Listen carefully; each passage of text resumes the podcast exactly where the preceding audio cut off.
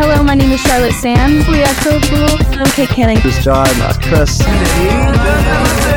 Magnolia Hey, dari Temawa. dari Daun Jatuh Natasha Natasha. Putih Ostatrio Simon Sona. dari Relasi Trikshan here. To listen to my episode on Bengkai Suara.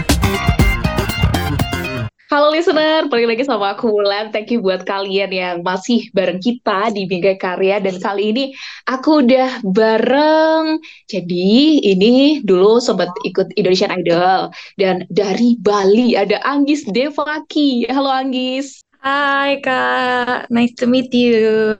Nice to meet you tuh. Gimana kabar kamu? Sehat ya? Sehat, Kakak gimana? Sehat dong, luar biasa. BTW kamu ini di Bali ya? Lagi di Jakarta. Emang udah Oh, stay lagi di di Jakarta? Udah di udah stay di Jakarta. Oh gitu, terakhir? Terakhir di Bali kapan? Kapan ya? Eh, mungkin bulan lalu pulangnya. Hmm. Oh, tapi masih sering bolak-balik gitu ya, Anggis? Kalau emang lagi ada nyanyi atau apa pun itu balik Bali. Cuma kalau emang lagi nggak ada ya stay di Jakarta gitu. Karena emang eh, urusannya sekarang lebih banyak di Jakarta sih. Oh, oke oke. Iya sih, ya mau nggak mau ya. Bye dulu Bali, nanti ketemu lagi. Ya, Anggis congratulations ya. Akhirnya single Bodoh ini bisa kita dengerin.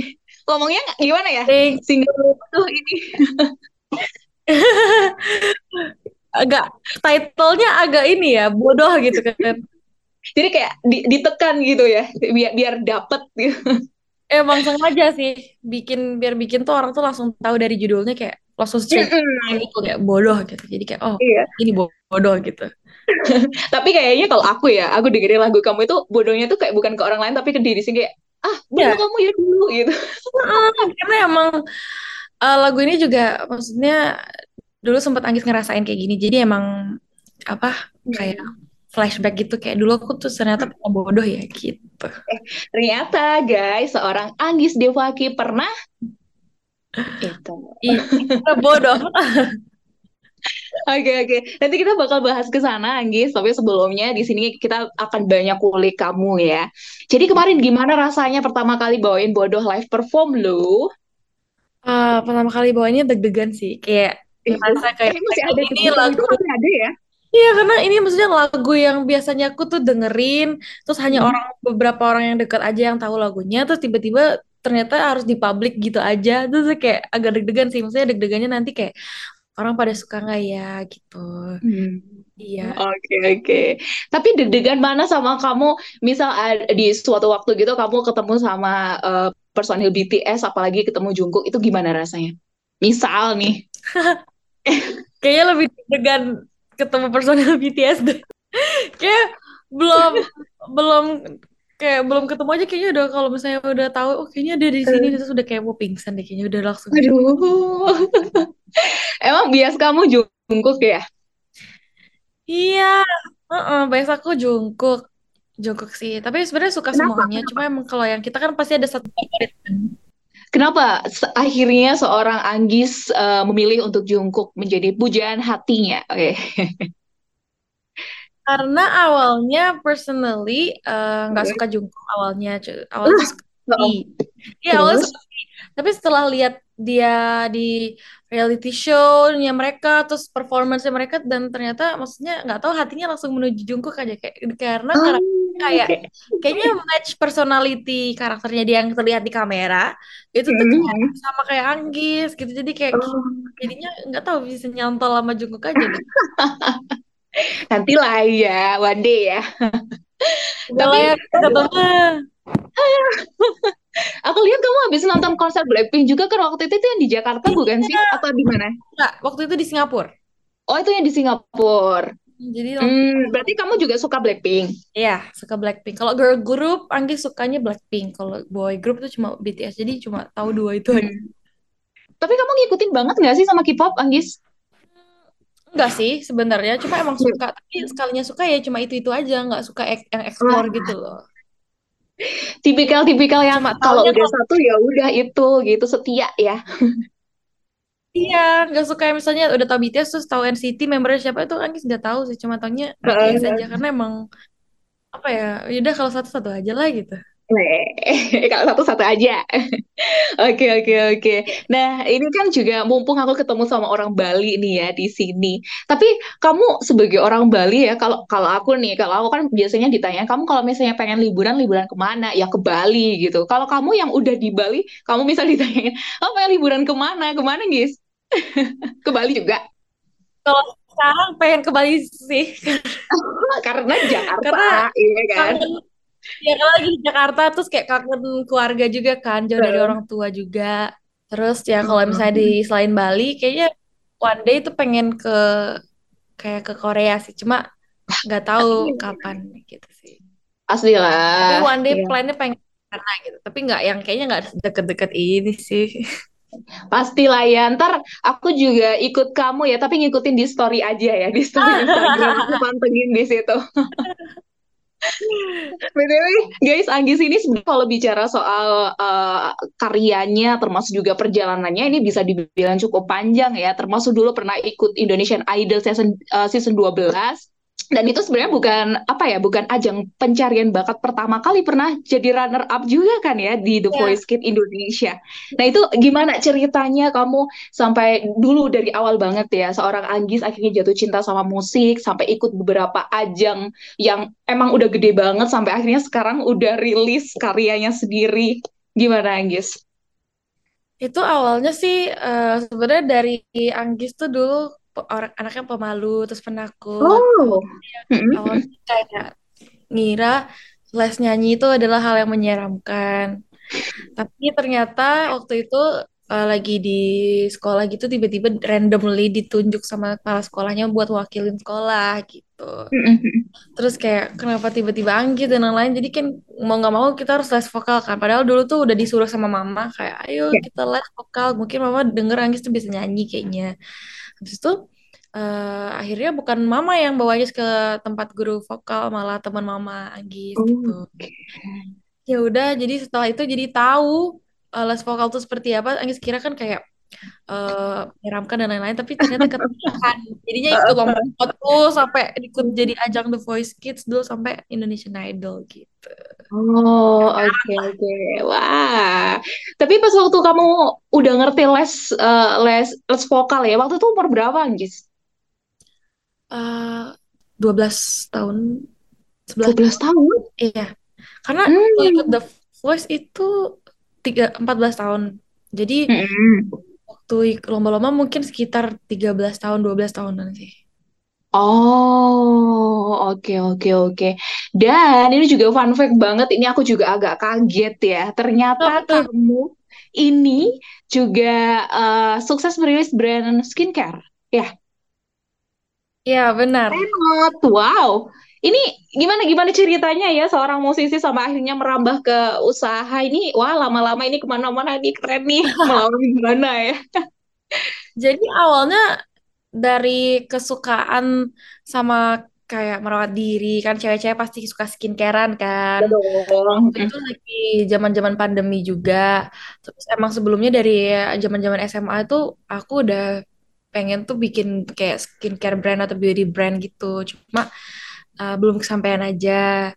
Terus akhirnya uh, waktu pandemi akhirnya ngomong ke orang tua gitu kayak pengen deh bikin skincare brand gitu.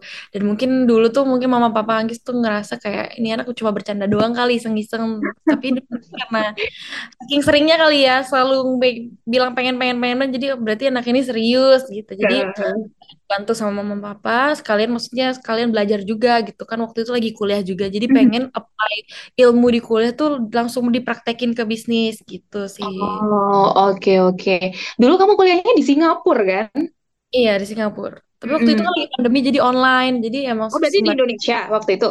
ya karena lagi pandemi kan jadi Mhm. online di Indonesia terus tapi eh, untuk eh, terakhir-terakhir ini udah offline jadi kemarin sempat eh, di Singapura lagi gitu Hmm, oke oke. Berarti sekarang pun kamu juga masih ini ya, masih sibuk sama uh, kuliah, nyanyi juga iya. Kalau kuliah udah sibuk-sibuknya kayaknya udah di Oktober akhir eh, di awal Oktober terakhir kemarin.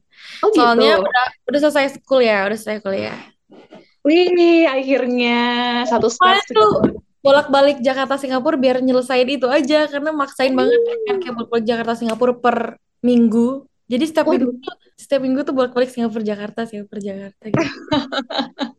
Anggis, kalau aku sih itu sebenarnya aku buat alasan aja biar sekalian kayak main gitu loh. Bisa nggak sih sekalian main? Atau Tapi gitu sama nggak aja, karena-? Harian itu sekolah semua karena emang lagi Oh. sengaja nyari nyari Uh-uh. jadwal yang biasanya misalnya orang tuh kan punya empat pelajaran orang biasanya Mm-mm. satu minggu tuh sehari tuh satu pelajaran karena emang satu pelajaran tuh tiga jam selama itu Oh, oke oke oke. Tapi Anggis dapat jadwal yang emang nggak disengaja tapi jadinya waktu yang sangat-sangat fleksibel, dapat jadwal satu Mm-mm. minggu tuh cuma dua kali kelas, eh dua kali dua hari kelas, jadi satu hari itu sudah tiga pelajaran. Jadi betapa pusingnya dari pagi sampai jam 7 malam. Aduh, mantap ya. Dan itu pun juga bukan apa ya, bukan jadi alasan kamu buat, aduh aku sibuk ya, aku pendidikan dulu deh. Tapi tetap bisa jalan gitu loh. Termasuk juga eh, karya ini pun ya, guys, listener, karya Anggis ini pun sebenarnya juga bukan yang pertama kali gitu. Ini ada beberapa juga single, bahkan di single yang di judul Cinta Terbalas Nanti tuh eh, sempat dapat penghargaan Anugerah Musik Bali ya. Wow. Wow, wow, wow. Gimana itu rasanya itu? Kaget nggak? Atau sempat expect ke sana nggak? Eh sebenarnya enggak sih, karena masuk nominasi aja Anggis juga kaget kayak kok bisa ya.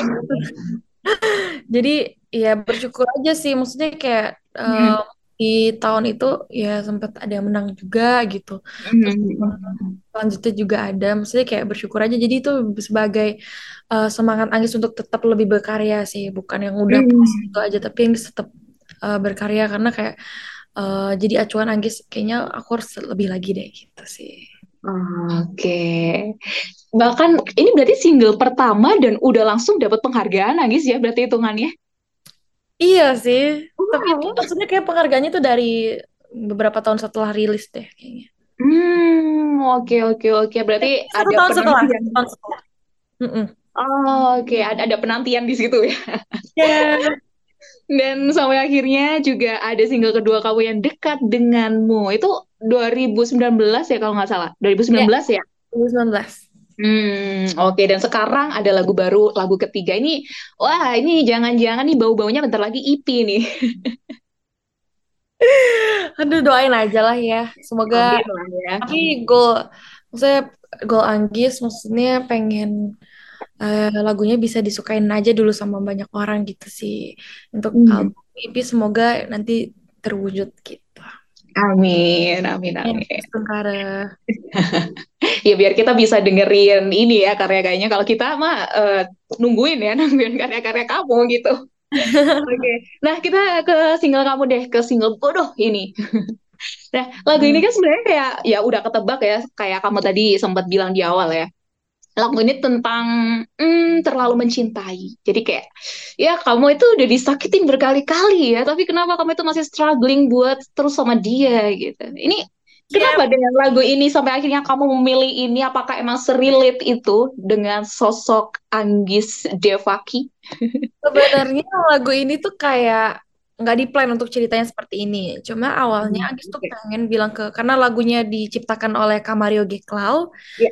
Jadi Anggis uh, sempat ngobrol ngobrol sama Kamario kayak pengen deh lagunya tuh menceritakan tentang uh, percintaan zaman sekarang gitu. Misalnya garis besarnya aja kayak pengennya tuh kayak yang misalnya disakitin, udah di, selalu ada tapi kok disakitin kayak gitu-gitu. Hmm, hmm. Habis itu uh, cuma tak kasih lihat benang merahnya aja dan waktu itu tuh langsung ditelepon sama Kamario tiba-tiba di jam 11 malam.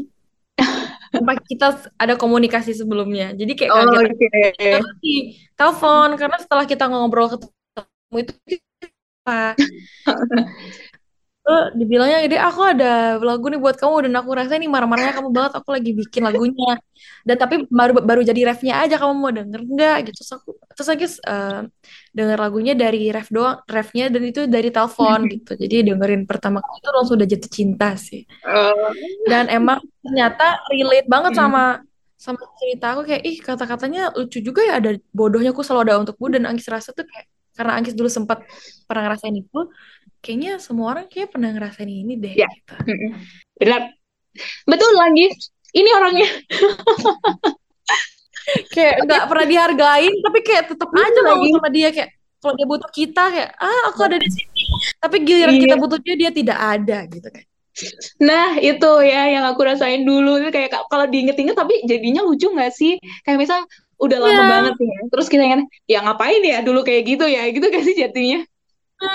Kayak kita bisa bilang itu kayak bodoh juga ya gitu. Jadi itu kayak definisi udah nyadari sih lagunya gitu. Iya, tapi kadang juga bingung ya kalau misal kita ngomongin sebuah hubungan yang ini kan bisa dikatain kayak uh, sebuah relationship yang ini tuh toxic gitu loh. Jadi kita tuh ngerasa kayak ini tuh nggak ada untungnya, cuman kita tuh ngerti gak sih kayak udah udah terlanjur ya udah taunya dia gitu loh. Dan aku nggak mau sama yang lain, aku maunya sama dia gitu. tapi hal itu sebenarnya salah sih karena Nah. karena kita tuh nggak pernah bayangannya kan kayak kalau nggak sama dia aku sama siapa kayak nggak bisa deh Iya. tapi Heeh. kamu tuh nggak tahu kalau misalnya ada yang lebih better lagi dari dia Yes. gitu karena kamu belum lihat aja belum ngerasain aja Bener. Tuh dengerin bener. realize karena tuh realize banget karena dulu tuh Angkis ngerasa kayak aku nggak bisa hidup tanpa dia deh kalau Iya. seputus sama dia tuh kayak nggak bisa aku sama siapa dan ternyata sekarang Bisa. kayaknya aku menyesali mau ngomong itu karena ini lebih better dari dia gitu loh karena kayak yang Bener. kamu bilang sekarang tuh kamu nggak bisa hidup tanpa dia tuh kayak belum tentu itu bener gitu karena kamu belum lihat aja Iya, bener. Kayak misalnya dibalikin lagi deh, bahkan sebelum ada dia tuh hidup kamu itu nggak apa-apa, say. Kayak ya udah gitu. Ya mungkin kalau kita udah melewati fase itu ya, karena setiap orang pasti ada fasenya gitu, Anggis ya. Oke, oke, menarik. Nah, eh, kita masuk ke proses pembuatan itu butuh berapa lama, Anggis, sampai akhirnya semua udah selesai, udah rilis dan kita bisa menikmatinya? Hmm, sekitar dua bulanan karena Anggis ingat itu kemarin mungkin hubungin Anggis workshopnya waktu itu bulan Juli terus kita recording di Agustus terus eh tiga bulan berarti dari Juli terus recordingnya di Agustus dan eh, music videonya di September. Hmm, oke. Oktober rilis. Ya kalau misalnya dari pem- eh, pembuatan sampai akhir benar-benar rilis ya empat bulanan sih. Jadi menurut Anggis tuh per bulan tiap bulan tuh kita ada progres untuk mau bikin Iya, singlenya jadi kayak nggak ada yang nunda-nunda atau apa pun. Jadi tiap bulan ada aja gitu Hmm, gaspol ya. Sat-sat ya. Oke oke, tapi ada nggak sih? Ini kan single ketiga ya. Eh, masih ada nggak? Misal part yang buat kamu itu challenging banget gitu Em, di lagu bodoh ini maksudnya. Atau di lagu bodoh ini? Yang challenging sih sebenarnya mm, nggak ada ya karena enjoy Hmm. aja gitu di rekamannya Oke. karena mungkin emang personally suka banget sama lagunya kan. Mm-mm. Terus mungkin challengingnya mungkin bikin musik videonya karena sempat video eh, apa yang harusnya kita satu hari eh, syuting jadinya Ya. dua hari karena hari pertama tuh filenya crash ternyata videonya. Oke oke oke. harus ngurang lagi, reshoot lagi, harus balik ke Bali lagi yang tadinya dari Bali udah ke Jakarta balik, terus ternyata taunya filenya crash jadi dari Jakarta balik Bali lagi jadi dua kali ngulang-ulang. Oh itu di Bali ya, sepertinya ya? Syutingnya di Bali ya. Oh oke oke, iya ya. Tetap pasti eh, setiap proses itu kayak ada cerita gitu loh, dan pasti akan keinget terus gitu. Ya, tapi itu yang seru. Jadi kayak bukan sesuatu yang harus disedihin terus, tapi maksudnya itu adalah prosesnya yang kita bisa share nanti Yes, gitu. benar. Jadi cerita gitu loh. Ya. Oke, Anggis, ini kan aku sempat nulis ya di bagian eh, lirik gitu yang aku pengen banget ngulik ke eh, sama kamu ya. Di sini termasuk juga ada verse duanya. Yang pertamanya itu kan di situ ada kata-kata bila aku terlalu cinta, kulupakan semua, rasa curiga kesalahanmu yang selama ini kau buat. Wow, segitunya loh ya orang orang jatuh cinta itu yang kayak Sebut sampai segitunya itu, ya. sebut itu saking bucinnya kayak aku kalau udah terlalu cinta aku kayak mau kamu eh kesalahanmu terus rasa curiga aku selama ini kayak kayaknya ya udahlah denial aja deh kayak enggak deh kayaknya normal-normal aja deh kayak gitu karena saking bucinnya jadi kayak kita tidak bisa berpikir secara logis Hmm, iya, apalagi ini kalau di part misal kayak udah ke gap nih, ke gap selingkuh misal ya. Terus kayak yang dia itu ada banyak alasan dan tahu kelemahan kita, misal dengan minta Nah. maaf atau beliin apa atau apa gitu kayak oke luluh Kita lagi, luluh luluh. lagi. Iya, itulah perempuan Ini itulah kelemahan perempuan dan kita sebagai perempuan kita bongkar di sini ya. iya Makanya Oke. lagu ini untuk menyadari kalian kalau udah disakitin, gak usah deh. Karena Iya. mm, kalau udah sekalinya selingkuh kayak kayaknya akan ngulang lagi sih. Mm-mm. Iya, iya sih itu. Wah, itu sesuatu yang kayaknya ya sulit banget dimaafkan ya, Bu. Oke, oke. Di verse kedua, ini ada ada kata-kata lama. Lama ku Mm-mm. bertahan denganmu. Ini sampai lamanya itu ditulis dua kali loh ya, saking lamanya. Lama ku Iya. bertahan denganmu. Yang hampir selalu melukai itu dan ku bertahan dengan lukaku itu. Kayak bahkan ibarat kata dia dia misalnya lagi happy-happy di sana dengan kamu yang masih dengan lukamu, dia bodoh amat gitu. Iya, heeh. Maksudnya dia bisa sakitin kita, maksudnya dan kita memilih untuk bertahan dan kayak ya udahlah nggak apa-apa. Yang penting aku tetap sayang sama, tetap bakal terus sama dia walaupun dia udah nyakitin aku. Yang penting aku pengen banget sama dia terus gitu. Kayak udah lama bertahan dengan lukanya gitu kan nggak enak banget ya rasanya. Iya, iya, iya. Gitu. Eh, kalau dengerin lagu kamu ya, apalagi sama ngedengerin liriknya, ini, ini aku nih ya. Jadi kayak Ya. sebel, sebel sama diri sendiri, tapi kayak yang kemarin, misal ibarat kata kemarin aku bisa ngasih tahu diri aku sendiri, nggak akan deh aku sampai semalu ini, iya nggak sih jatuhnya? Kayak aduh bodoh banget kan gitu. Aduh, oke, oke, oke. Nah, sekarang juga MV udah jadi, termasuk juga artwork. Di situ aku ngelihat artworknya, wah kamu menjadi princess di situ ya, pakai kostum warna-warni itu konsep dari mana tuh? Em, sebenarnya konsepnya emang awalnya dari Anggis karena emang pengen kelihatan kayak Korean look and everything gitu. Oh Dan iya, emang Anggis pengennya Iya. iya Korean look terus kayak simple tapi maksudnya biar kelihatannya tuh kayak elegan gitu. Terus Hmm. eh, syukurnya stylishnya dari SMN dari Hits Records eh, tahu stylenya Anggis terus dapetnya pas banget warna ungu dan personally Anggis tuh suka banget sama warna ungu gitu. Iya. Jadi ya Mm-mm. Iya, aku aku pun sebagai orang awam yang nggak tahu stylist itu kayak menyatu sama kulit kamu ya warna itu ya. Warna-warna iya, warna itu kan ada pinknya sama ada ungunya gitu kan. Mm-mm. Mm-mm. Iya, wah. Oke, oke, oke. Tapi di artwork itu kamu di mana tuh shootnya? Ngambil fotonya? Di di di Bali. Bandung di Bandung photoshootnya. Oh, di Bandung justru. Waduh, ini habis dari Bali, Jakarta, Iya. Bandung gitu ya ini muternya ya. Nah, jadi photoshoot dulu baru vid- video klip. Oh, Jadi setelah gitu. wedding, Mm. eh, itu beberapa hari setelahnya, apa beberapa hari minggu ke beberapa minggu setelahnya, itu kita langsung photoshoot ke Bandung gitu. Oh, oke, oke, oke. Pas sehari aja bisa pulang lagi kan Bandung Jakarta cuma dua jam ya tiga jam gitu. Iya sih, iya sih. Ya nggak kerasa lah ya. Ibarat kata Indonesia sama Singapura aja kamu nggak kerasa ya, apalagi cuman Bandung Jakarta. Oke deh, ya Anggis intinya sukses terus ya buat karya-karya kamu. Dan thank you udah uh, nyanyiin lagu bodoh ini untuk menyadarkan aku dan teman-teman di sini yang pernah di posisi itu. Sukses terus buat kamu. Nah, sebelumnya nih buat teman-teman yang mungkin pengen banget dengerin ya termasuk juga MV kamu di mana tuh? Untuk teman-teman semua yang bisa dengerin lagu bodoh udah ada di seluruh digital platforms kesayangan kalian. Dan kalau kalian pengen uh, lihat music videonya, karena banyak plot twist sih di musik videonya, jadi jangan lupa nonton musik videonya di YouTube dan jangan lupa terus skip streaming ya. Oke, Anggis, thank you. Kamu sehat-sehat ya. Next time Terima kasih banyak. main. Terima kasih. Oke, iya. Anggis, eh, thank you dan juga thank you buat listener ya yang udah dengerin obrolan kita. Aku sama Anggis dan jangan lupa buat dengerin lagu Bodoh pastinya sama. MV-nya. Oke, thank you, bye semuanya. Hello, my name is Charlotte Sam. We are so cool. I'm Kate Canning. This is John, uh, Chris. Magnolia Saya dari Temawa Dari Daun Jatuh. Salkasya Natasha Putri Ostatrio Saya Metsonet Dari Relasi Trishan here So listen to my episode on Bengkai Suara.